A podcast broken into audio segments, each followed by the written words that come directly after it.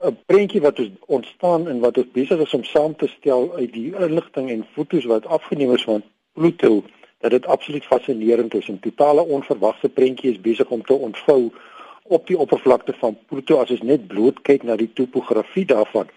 In die eerste plek sien ons duidelik kraters op die oppervlakte in sekere dele van Pluto.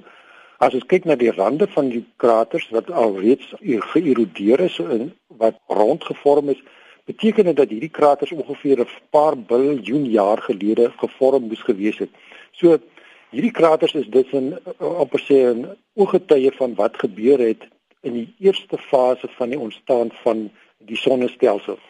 Maar boorbehalwe dit sien ons ook op die oppervlakte van Pluto 'n groot wit gebied in die vorm van 'n mensehart basies in die noordelike halfrond van uh, Pluto ongeveer die grootte van uh, die staat Texas in in Amerika in, in terme van oppervlakte gesproke. En wat baie fascinerend is en wat ons glad nie kan verstaan is hierdie uh, gedeelte, hierdie wit gedeelte is totaal vry van kraters. Wat dis vir ons beteken of wat vir ons vertel dat geologies gesproke dit heelwat jonger is as die vorige of die ander dele waarin die kraters voorkom.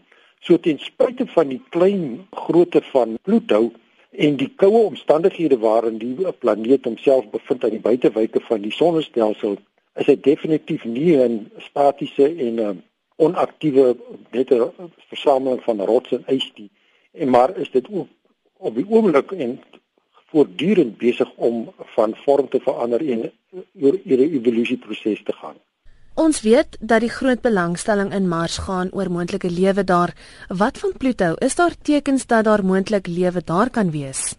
Ek betwyfel dit baie sterk, veral weens die ekstreme temperature wat daar voorkom.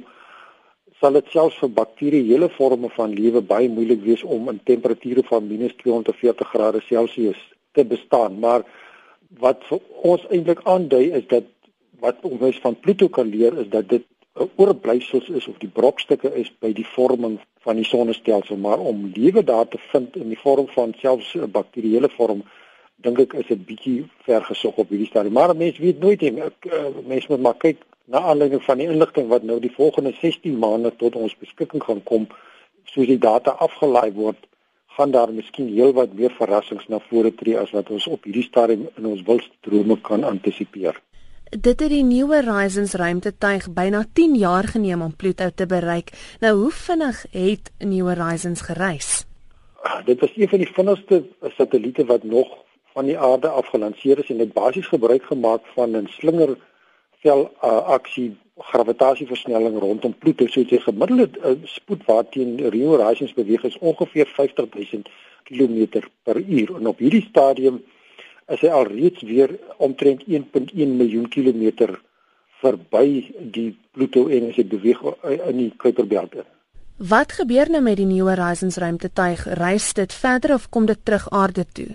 Nee, daar is geen planne om dit ooit terug te bring. Daar is geen brandstof aan boord om die uh, satelliet of die ruimtetuig om te draai nie. Hy beweeg nou net voort in die Kuiperbelt in en versamel inligting sover as wat sy uh, energie aan boord. Dit wil sê die uh, radioaktiewe bron vir die verskaffing van energie gaan uithou en dan sal dit maar eintlik éventueel 'n uh, kom sê 'n genade doodsterf in die buitewyke van die sonnestelsel